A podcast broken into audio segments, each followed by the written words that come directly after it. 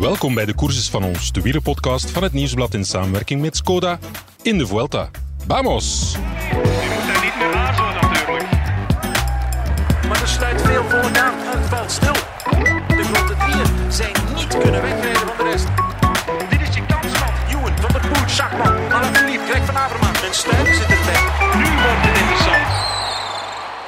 Remco Evenepoel heeft de Costa Blanca rood gekleurd. Rood van de leiderstrui die nu stevig om zijn schouders zit met 2 minuten 41 voorsprong op drievoudig winnaar Primoz Roglic.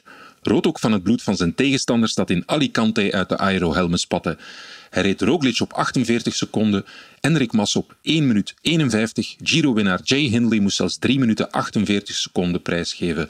Al de rest lag daar ergens zieltogend tussen op het slagveld. De Vuelta stuurde een persbericht uit met als titel dat Remco van een andere wereld was. Maar met zijn hoekige helm leek hij wel van een ander zonnestelsel en uit een andere tijd ergens ver in de toekomst, waar ze veel sneller kunnen tijdrijden dan anno 2022. Toen hij achteraf op de rollen aan zijn cooling down begon, lichtte de interviewer hem in over de tijdsverschillen en Evenepoel schrok er zelf van. Hij straalde en gooide het hoge woord eruit. Hij gaat voor de eindzege in Madrid. You said you wanted to win. Did you think you would win so big? Uh, I actually don't know the result, so 48 seconds over Primoz Roglic. 48.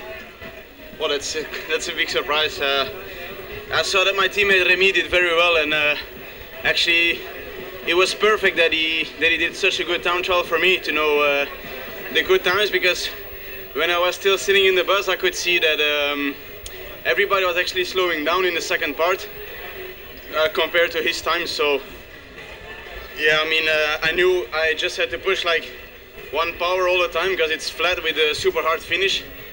And uh, well, my legs were so heavy on this last bump. It was actually really, really hard, but um, super nice to win this town trial in the red jersey. It's an amazing feeling. Your average speed is uh, 55.6. Is that what you wanted? Um, well, I didn't actually look the, the average speed. I knew it was going to be a super fast town trial, so um, yeah, I'm just so happy to, to take a stage win. I think uh, I achieved my dream, and now uh, we're gonna fight and uh, try to win this Vuelta. What does it change for the remaining of La Vuelta?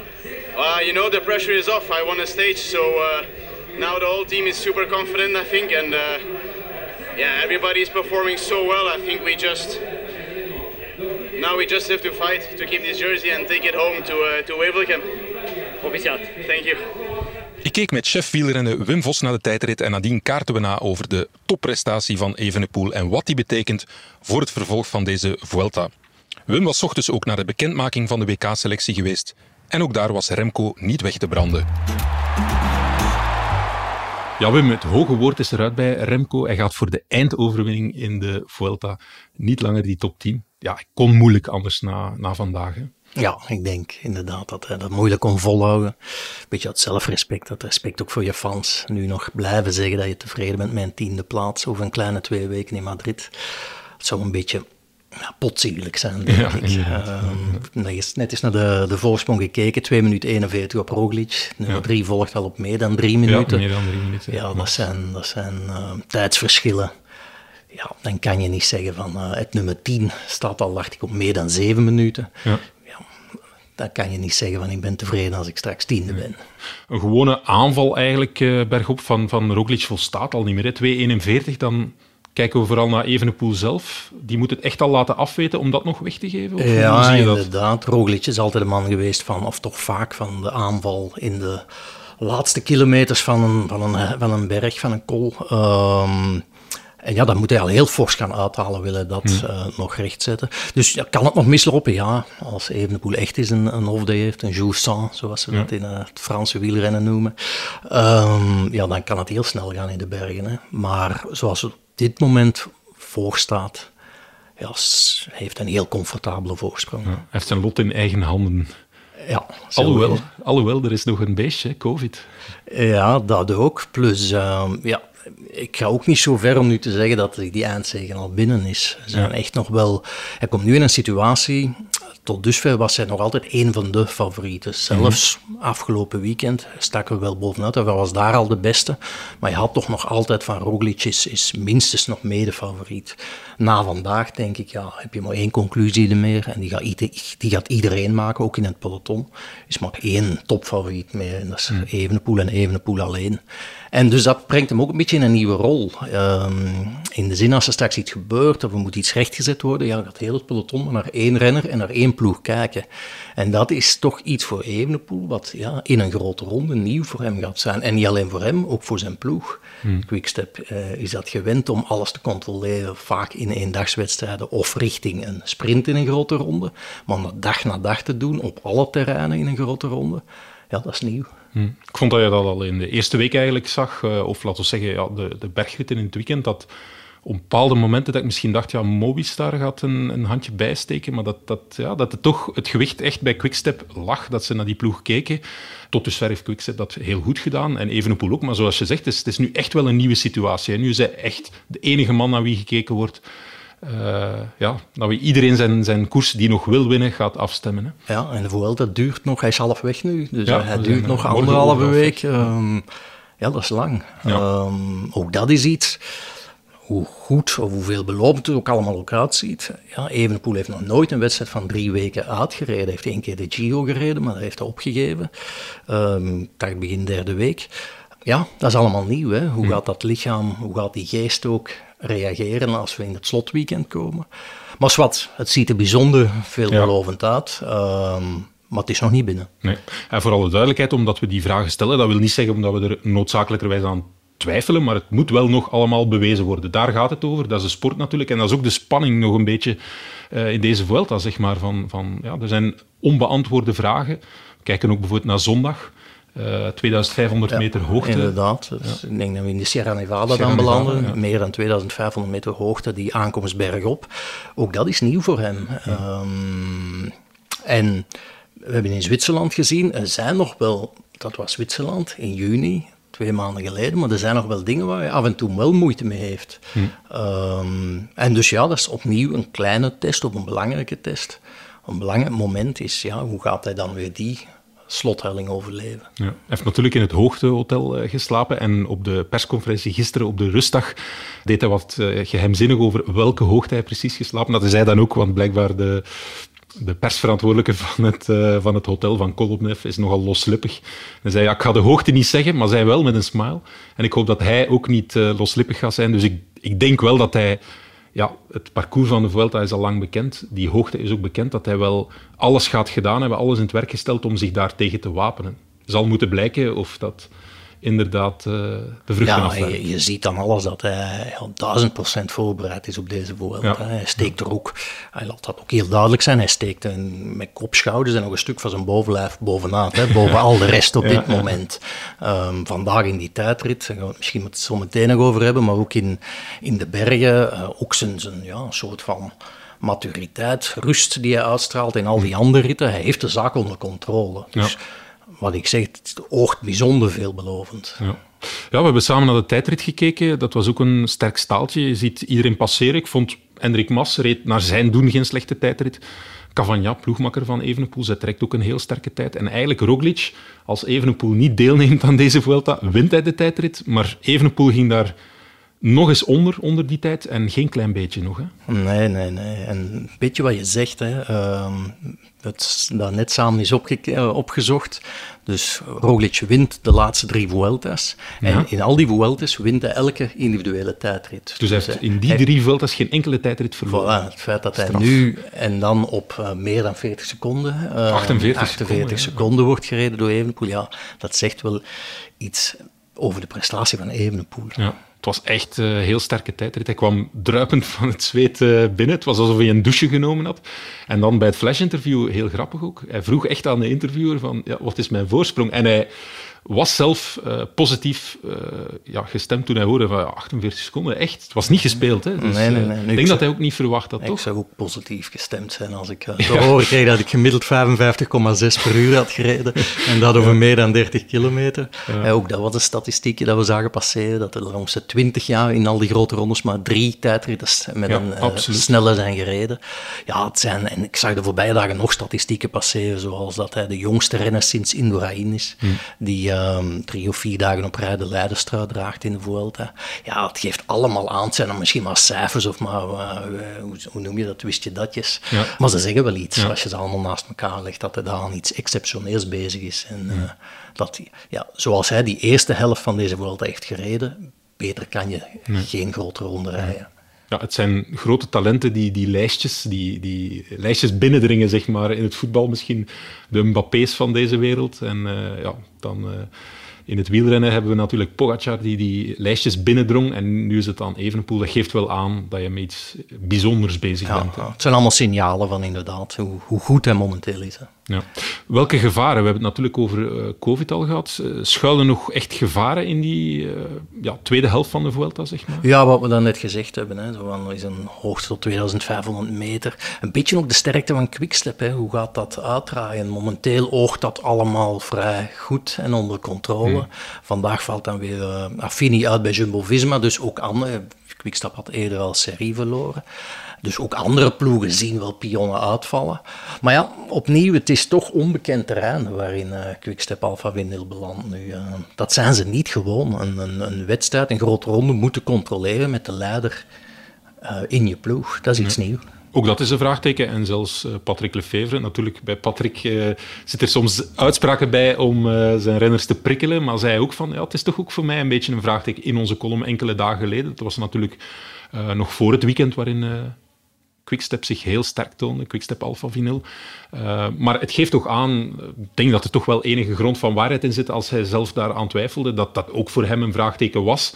En in het weekend is dat al positief beantwoord, maar het zal ook moeten, zoals je zegt, in die nieuwe situatie, dat er echt volledig naar hen gekeken gaat worden, gaan ze het wel moeten bewijzen. Ja, en in elke rit. Hè. Straks komen de wat vlakkere ritten aan voor sprinters. Daar zullen ze wel wat hulp krijgen van de sprintersploegen. De paar sprintersploegen die Ja, want zijn. Lier maakte de opmerking dat ja, het, het eh, afstappen van eh, Bennett geen goed nieuws is voor de spurtersploegen. Misschien een ploeg minder die toch... Ja, Nee, natuurlijk. ze hebben Van Poppel natuurlijk. En Quickstep kan ook wel een ontsnapping laten rijden en Ja. zo. Het is niet dat ze van kilometer 1 tot de laatste kilometer alles ehm, aan kop moeten rijden en dergelijke. Maar het is wel, je moet dat elke dag opnieuw, dag na dag controleren. Niet eenvoudig. Nee. Maar het is goed. 2 minuten 41 is een eh, grote voorsprong, maar er zijn nog een aantal vraagtekens en dat maakt het spannend. Er zit nog spankracht in deze Vuelta. Eh, voor de neutrale toeschouwer, laat ons zeggen, is dat goed nieuws. En het zal alleen maar bijdragen aan de luister, eventueel, van de overwinning van Evenepoel. Mocht hij deze Vuelta winnen, ik spreek nog altijd met twee woorden. Hè? Ja. Dat blijven we doen. Goed, vandaag is er ook ehm, ja, de WK-selectie bekendgemaakt. En eh, dat is een klein beetje eh, ja, minder in de aandacht gekomen dan deze tijdrit natuurlijk. Maar ook daar viel de naam heel prominent van Evenepoel. Hij wordt mede-kopman samen met Wout van Aert. Hij is nog bezig aan de Vuelta en het gaat al over zijn volgende koers, zijn volgende doel, het WK. En hij wordt daar kopman. Eh, ja, terechte keuze nu al, want ja, die Vuelta moet nog gereden worden.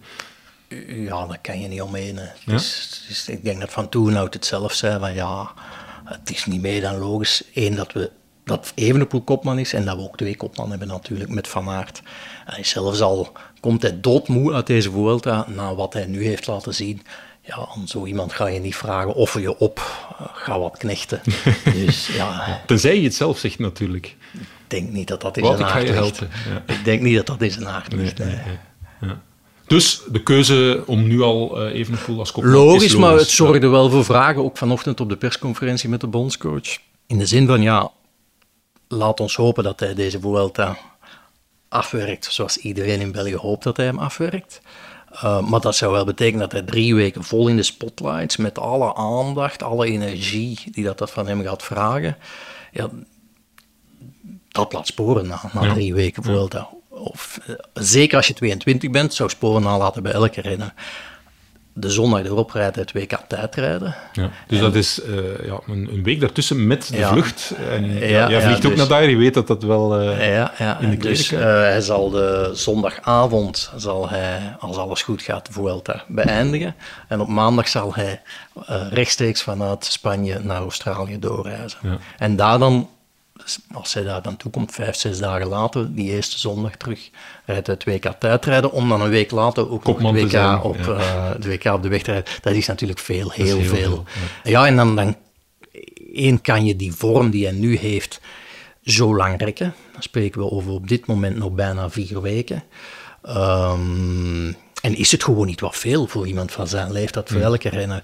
Nu, Van Toernout antwoordde daarop van ja, het is veel en we zullen het goed in de gaten moeten houden. En, en zijn herstel en dergelijke in Australië wordt heel belangrijk. Hij heeft dat ook allemaal heel goed doorgesproken met Evenepoel, zegt Van Toernout.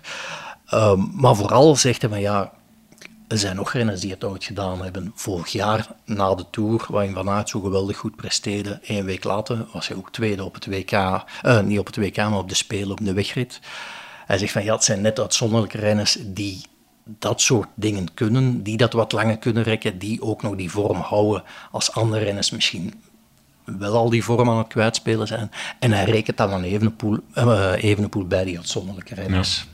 We hebben natuurlijk nog een uitzonderlijke renner, Wout van Aert. En als we een jaar terugspoelen in Leuven, toen was er nog één kopman. Nu zeggen we nu al, we zijn met twee. Dus er is wel iets eh, Ja, er veranderd. is, er is wel duidelijk iets veranderd. Ja. Ja, En is het dan ook plausibel, ik werp even de stelling op, om, om toch te blijven volhouden dat scenario van vorig jaar? Het is natuurlijk toen niet goed uitgeruid. We gaan voor één kopman Wout van Aert. Waarom niet? Ik speel eventjes advocaat van de duivel. Ja, dan komen we Valt terug. daar iets voor te zeggen? Ehm, ja, dan kom je terug bij, bij de status van Evenepoel, hè, die de jongste weken opnieuw is toegenomen. Die was al sinds Luik Bastenaken Luik fors toegenomen. Ja, zo iemand heeft gewoon recht op een status Ja. als kopman. Dus ja, je kan er niet omheen dat die twee inderdaad evenwaardig aan dat WK gaan beginnen. Want toen maakt daar wel een terechte opmerking. Hij zegt van ja, volgens mij zijn ze ook wel compatibel. De ene is sterker als in een solo, de andere is sterker in een sprint. Dus ja, er zijn wel scenario's uit te dokteren als bondscoach, denk ik, waarin je de alle twee met heel veel vertrouwen aan dat WK kunt laten, kunt laten starten. Maar ja, dat het naast Van Aert is, dat, eh, dat is wel duidelijk. Ja, want Van Aert kan zich volledig op dat WK toeleggen. En die voorbereiding, je hebt daar een stukje, een flart van gezien. En dat was al een indrukwekkende flart. Je bent naar echt- Frankrijk gegaan. Ik was weekend. eh, afgelopen weekend in eh, Bretagne, waar hij de Bretagne Classic, zoals dat dat tegenwoordig, zit ook nog iets Ouest of zoiets achter, maar laten we bij Bretagne Classic houden. Een, een zware wedstrijd, voortdurend op en neer. En eh, ik moet echt zeggen dat Van Aert een, een werkelijk indrukwekkende wedstrijd heeft Ja? gereden. Ja? het was een beetje jammer dat het denk ik hier in Vlaanderen Ik heb het niet gezien in elk geval. Ik heb moeilijk te volgen of te bekijken Ik heb was. Maar, eh, gelezen, uiteraard. uh, wel, het was voor mij een van de ja, sterkste wedstrijden die ik van Aert in zijn uh, de jongste jaren heb zien rijden. Dat is een heel krasse ja, zeker. Ook bij eens dagswedstrijden. Ja, Jumbo-Visma gaf, zijn ploeg gaf voor één keer echt niet thuis. waren ook reden toe. Laporte was ziek geworden vorige week en ze kwamen met een beetje een, vertimmerde ploeg daar. En hij zat heel snel volledig geïsoleerd eigenlijk. En ja, wat ik zeg, je hebt dan een heel zware finale, voortdurend aanvallen, was ook een vroege vlucht, dat duurde heel lang werd teruggepakt. En eigenlijk heeft Van op zijn eentje een finale van 40, 50 kilometer gecontroleerd.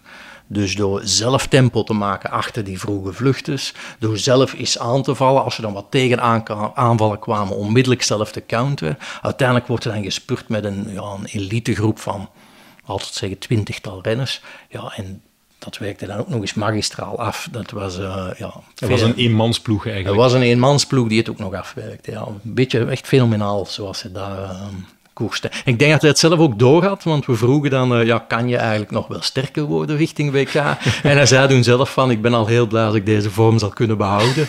dus hij heeft had ook wel door van, ja, dit, dit, is zeer, zeer, zeer sterk. Want die, hij heeft mijn conditie is zeer, zeer, zeer goed. Dat belooft voor eind september uh, met uh, Wout van Aert. Er komt er weer heel wat moois aan. Maar laten we toch eerst maar uh, die Vuelta proberen te winnen als België met Evenepoel. Dat zou fantastisch zijn. Laten we daarmee beginnen. Want is van 1978 geleden met Johan de Munk.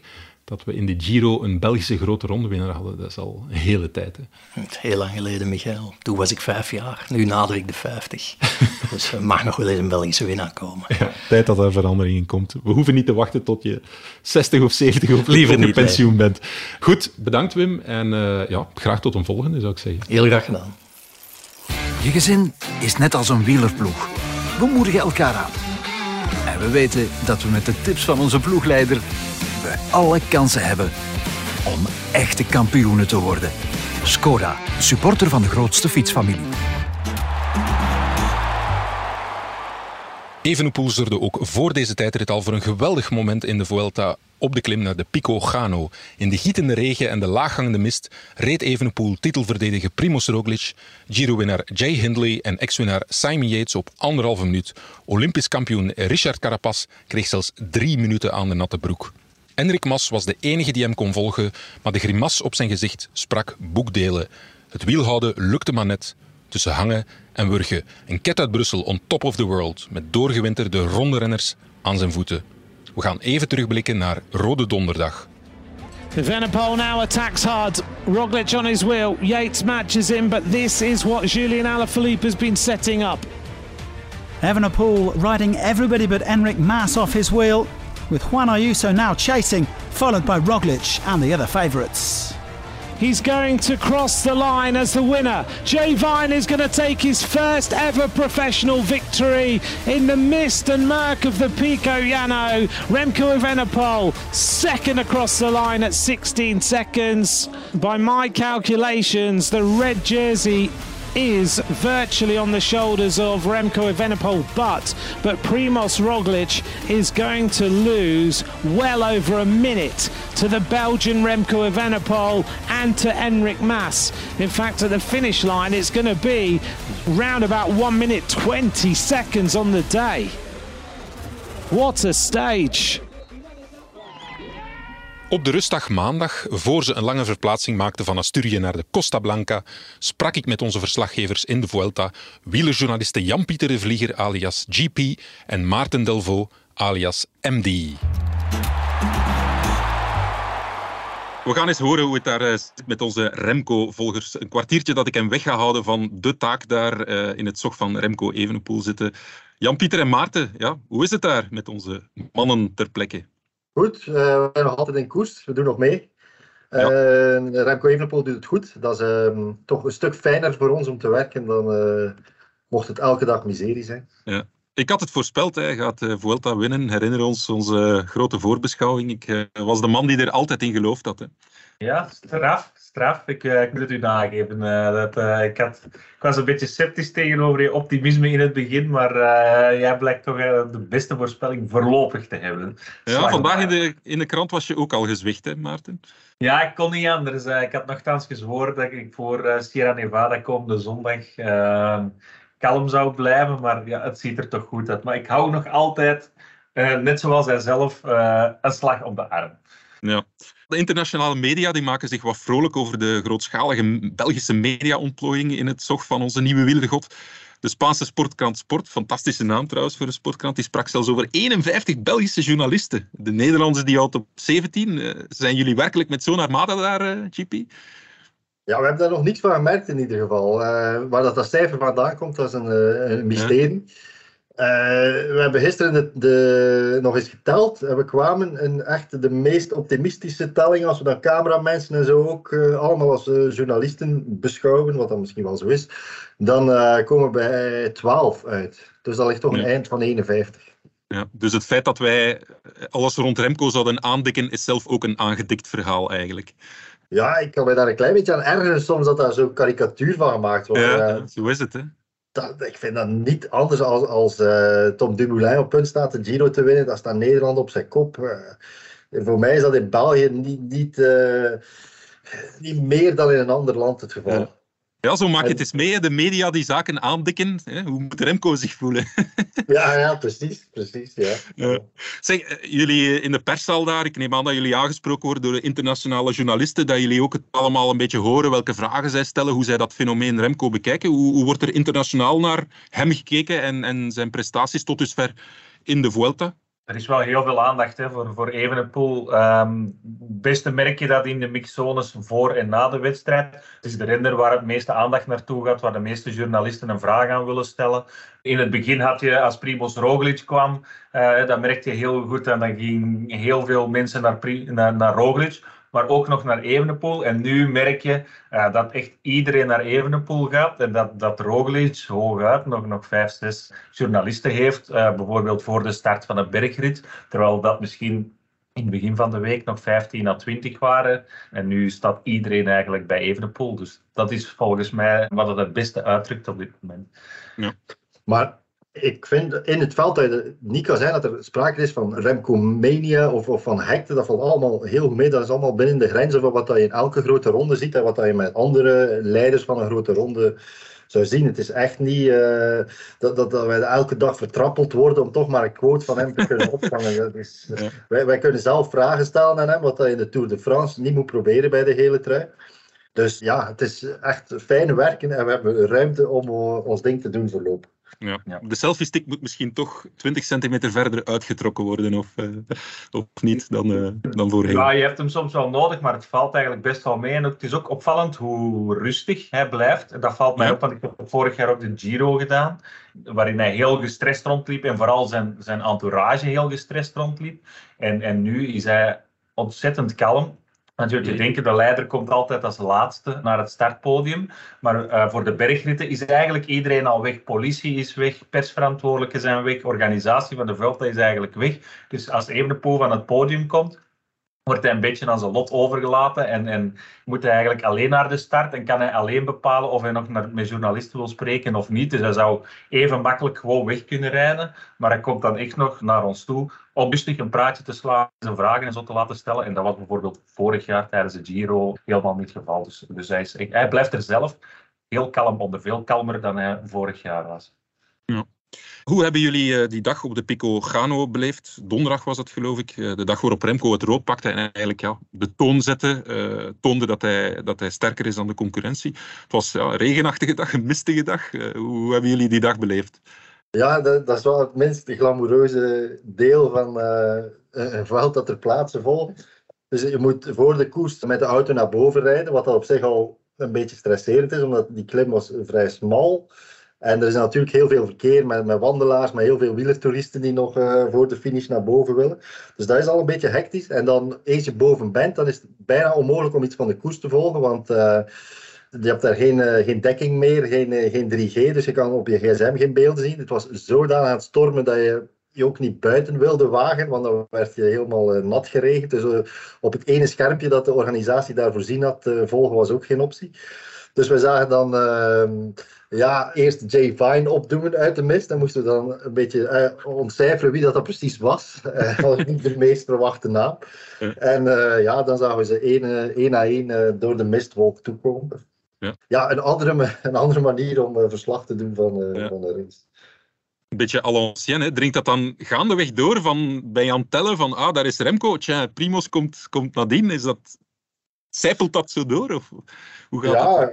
hoe hebben wij dat gedaan, Maart? We zijn uh, een aantal kilometer uh, voor het einde zijn we natuurlijk wel uh, naar buiten gegaan. We hebben de gietende regen getrotseerd, kletsnat geworden. En dan, dan konden we wel, kregen we wel via, via de informatie op de top wel mee dat er iets te gebeuren stond met Remco. Dus er is toch wel vol verwachting uitkomen wie er als eerste uit die mist gaat opdoemen. En dan, ja, dan is het wachten tot hij zijn verhaal kan doen, zodat je eigenlijk echt pas te weten komt ja, wat er is gebeurd onderweg. Hm. Opmerkelijk, ik heb de reconstructie van jullie in de krant gelezen. En het was eigenlijk aanvankelijk niet de bedoeling om, om zo offensief te uh, koersen. En ja, de omstandigheden, de benen van Remco, ook de weersomstandigheden hebben dat wat uh, in de hand gewerkt. Klopt dat? Ja, want hoe jullie het beschrijven, waren het echt wel heel extreme weersomstandigheden.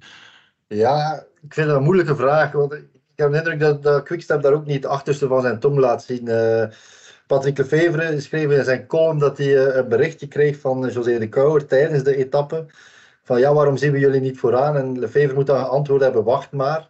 Dus die wist dan wel dat er iets zat aan te komen, waardoor dat, dat toch lijkt alsof dat er voor, vooraf wel een plan was. Maar de officiële versie is dat ze de dag voordien op de Kamer gezegd hebben van kijk, als we kans hebben uh, om tijd te pakken en het regent en de benen zijn goed, dan vallen we aan. En dat Evenepoel vroeg in de etappe aangegeven had dat hij zich echt wel goed voelde.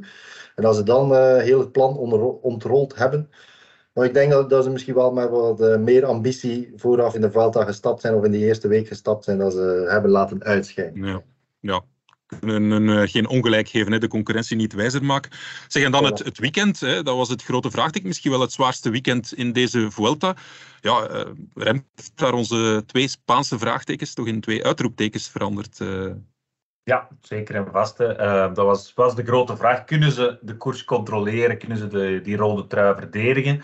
En kan hij eventueel nog tijd pakken? En dat is twee keer een volmondig ja. Hè. Um, ik denk dat Remco tot zijn eigen plezier en, en, tot hun grote verbazing heeft vastgesteld dat dat Quickstep echt wel in staat is om een koers en een rode trui te verdedigen uh, en een koers te controleren. En, en, en, ze waren echt sterk, zowel zaterdag als zondag. En dan, ja, Remco was duidelijk de beste van alle favorieten. Hij heeft dat ook aangevoeld. En het is logisch ook dat hij heeft aangevallen. Als je voelt dat je nu de beste bent, moet je niet twijfelen. Hè, want je weet nooit wat het volgende week gaat zijn. Groeit Roglic uh, terug? Uh, gaan de Spanjaarden samen uh, samenspannen? heeft Remco zelf een slechte dag? Dan kan je beter maar nu zoveel mogelijk tijd pakken. En, en, en dat heeft hij gedaan. En het was, het was echt wel straf. Want het waren twee heel, heel zware ritten. Uh, en die twee slotklimmen waren het allerzwaarste wat je in de Vuelta gaat krijgen hè, over deze drie weken. Dus um, ja, hij heeft zijn kans uh, meer dan gegrepen. Sterke van Wilder ook, zag ik. Hè. Die, ja, toen hij op kop ging uh, zitten, zaterdag geloof ik, dan, ja, dan kletste er toch een aantal af. Ja, dat is echt een, een, van de ja, verrassingen kan je dat niet noemen, want die gast is altijd wel zeer, zeer getalenteerd geweest, maar die, die presenteerde hem hier heel sterk. En dat is ook echt een, een, een tof karakter, er zit daar veel pit in. Verbaal bedoel je dan, GP? Ja, ja, ja, ja. De, de eerste dag kwam hij uh, uh, aan de... Niet de eerste dag, de eerste dag in Spanje. kwam hij aan de bus en begon hij zijn beklag te doen over Bora. Fucking Bora. Uh, ze hadden veel te snel gereden, vond hij, uh, doorheen de etappe. En we zullen eens zien of dat ze over twee weken nog zo rap rijden. Er zit er geen, geen filter op. En dat is wel heel, heel dankbaar uh, voor ons ja. als, als journalist. Ja. Ik koester die dagen voor hij mediatraining krijgt. Want, uh, ja. ja, en zondag Les Praires, dat was de stijlste klim van deze Vuelta. Uh, altijd spektakel. Hoe stijl was hij? Want kwamen, ja. kwamen gigantische verhalen van de renners. Hebben jullie hem zelf ook opgereden bijvoorbeeld? Uh, niet met de fiets, wel met de auto, maar dat was echt uitdagend genoeg. Ik heb nog nooit zoveel foutmeldingen van mijn Skoda Octavia gekregen. Alles was oververhit. ja, en voor de anekdote... Dus in de, in de Tour is dat al tamelijk uitdagend om zo'n kool te rijden, omdat er daar altijd, zoals ik net al zei, heel veel verkeer op is van, van mensen die afdalen, mensen die aan het om, omhoog klimmen zijn met de fiets, wielertoeristen, mensen die aan het stappen zijn, mensen die neerzitten. Dus iedereen beweegt daar aan een verschillende snelheid en je moet je auto daar door manoeuvreren. Maar gisteren was dat zo smal en zo steil, dat je eigenlijk constant moest stoppen en embrayeren en proberen om, om een beetje snelheid te houden, om die stil te vallen. Maar dat was echt moeilijk, ja, want we willen ook niet op iemand zijn achterwiel rijden of over iemand zijn tenen rijden. Uh -huh. En nog één extra storende factor uh, gisteren. Er reed een auto van de organisatie voor ons. En vooraan zat er iemand uit het raam, dus echt die leunde uit het raam. En elke wielertoerist die hij passeerde, dat waren dus, ja, om de drie seconden was dat iemand, die bood hij water aan en een koek. En ja, ik vond het wel een beetje potzielig om zo, uh, zo de sympathieke te willen spelen. Maar dat maakte het heel moeilijk, want al die fietsers kwamen dan naar de auto. En als ze die koek dan gekregen hadden, of dat flesje water, dan, dan kwam die ja, bijna afgezakt voor onze bumper, waardoor ik nog een keer extra moest uh, remmen altijd. Ja. En je wil eigenlijk zoveel mogelijk je auto laten rijden, dat je niet constant moet ontkoppelen, want ja, je, dat begint te stinken, die uh. Dus mijn uitdaging is altijd om zonder woede uitbarsting door een grote ronde te komen. Maar gisteren is dat ja, door die auto voor ons helemaal mislukt. Dus ik was beginnen schelden en beginnen, beginnen tuten van rijd toch door, rijd toch door. Tot uh, ongeveer halverwege de klim we ineens door hadden waarom dat die meneer zo populair was of wilde zijn. Dat bleek Oscar Freire te zijn, die bij de Spaanse supporters natuurlijk super populair was. En die ja, vrienden wilde maken op de klim. Maar uh, die van mij is die toch niet geworden. Nee, oké. ja, eh, Oscar Freire, El Simpatico, behalve bij, de, bij jullie dan. Bij het dienstblad, ja, bij de auto achter hem op de klim. Oké, maar het was dus een heel steile klim. Dat eh, onthoud ik van het verhaal. Ja, ja, we zijn één keer echt stilgevallen en dan eh, tot de grote jolijt van alle supporters met gierende banden geprobeerd om opnieuw, eh, opnieuw een beetje elan te vinden. En eh, ja, het is toch gelukt, maar het was... eh, Ja. De niet Skoda heeft het overleefd. Eh, Dat is het bewijs dat eh, Skoda een goede auto is. Ja, ja, dat zeker. Maar eh, de remmen waren te warm en moest, moest in andere versnellingen rijden. En het was allemaal niet goed, liet hij weten. Zeg ja, en een eh, Belgische rode truidager, ja, dat betekent veel kopij maken. Veel kopij maken, dat betekent late uren. Ik heb al foto's zien passeren, GP, waar je ergens eh, buiten aan een, een reeds eh, ja, opgedoekte perszaal buiten stond te tikken enzovoort. Ja, hoe zit het met de maaltijden s'avonds? Valt dat mee of is het toch al heel veel vettig eten geweest? Of geen eten zelfs? Ja, dat valt wel mee, maar dat is het grote voordeel van Spanje ten opzichte van, van Frankrijk. Het maakt bijna niet uit hoe laat dat je binnenkomt in een restaurant. Je bent meestal welkom en eh, er wordt altijd nog wel iets, eh, iets geserveerd. We hebben maar één keer eh, uit de snoepautomaat moeten dineren. Ja, dat valt best mee, eh, Maarten. Ja, ja, ja, voilà. Dus wij, ja, wij zijn notoire ehm laatwerkers. Zeggen ze ons bij de organisatie. Dus wij, wij zijn altijd de laatste twee mensen die uit de perszaal verdwijnen. Dus we breken eigenlijk altijd al de perszaal af terwijl wij er nog zitten. En eigenlijk wanneer ik en GP vertrekken, is het zijn om de hele perszaal op te doeken. En soms zijn we, ja, moeten we zelfs vroeger vertrekken en dan moeten we ergens op... eh, Gisteren er- op een voetbaltribune. ja, gisteren op een eh, voetbaltribune in het donker hebben we dan onze stukken nog getikt. En, maar er is altijd wel eten. eh, maar meestal, ja, omdat we overdag ook niet, niet kunnen eten, zeker bij die aankomsten bergop, eh dat daar eigenlijk niks voorzien is. Dan eh, over, durven we ons ook wel eens te overschatten. Eh eergisteren hadden we zoveel eten besteld dat we het zelfs in, in, in een grote plastic zak niet allemaal meekregen. eh.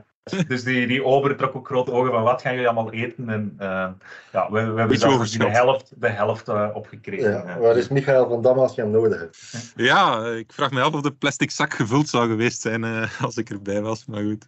Oké, nee, eh, ik zou zeggen nog een kleine twee weken en jullie zijn er vanaf. Dus eh volhouden daar. En ehm, ja, laten we hopen dat de trend zich eh, voortzet. Want ik weet niet of je dat wel beseft, maar het, het, het zou wel een uniek moment zijn. Hè? Belgische winnaar van een grote ronde. Het is echt gigantisch eh, lang geleden. Het is echt iets, iets unieks, denk ik. Eh, we hebben het waarschijnlijk bij leven niet meer meegemaakt. Hè? Nee, dat is zo. Nee, dat Ja. is echt.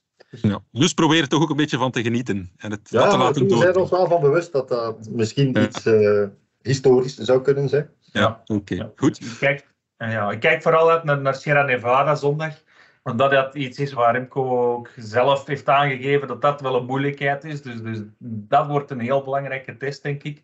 Dus tot dan houd ik nog altijd eh, enig voorbehoud. Eh, als hij zondag op Sierra Nevada ook nog eens eh, stevig in het rood staat, ja, dan kunnen we stilaan all-out gaan, denk ik. Ja. Dan kunnen we een rode krant drukken. Minstens één. Ja, oké. Mannen, merci en eh, veel succes. Mucha suerte. Hasta luego. Wat een mooie anderhalve week heeft Remco Evenepoel ons al geschonken. Na het weekend zijn we weer met een update naar opnieuw twee zware bergritten met zondag de aankomst op de Sierra Nevada op ruim 2500 meter hoogte. Dichter bij de hemel komen de renners deze Vuelta niet en hopelijk geldt dat voor Evenepoel ook in overdrachtelijke zin. Als het daar op de Sierra Nevada als een matador Roglichenko opnieuw aan zijn spiezen rijgt, dan longt het rood in Madrid. En dan mogen we voor het eerst sinds 1978, dat is het jaar waarin Gries uitkwam, ja, zo lang is dat geleden, dromen van een Belgische winnaar van een grote ronde. Graag tot begin volgende week dus hopelijk voor een historische podcast. Rest mij nog Skoda te bedanken, onze partner van de Koppenberg tot de Sierra Nevada. En vooral grote dank aan jullie beste luisteraars. Graag tot volgende week. Graag tot de koers van ons. Hasta luego.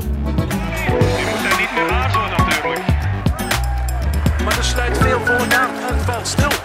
De grote dieren zijn niet kunnen weg.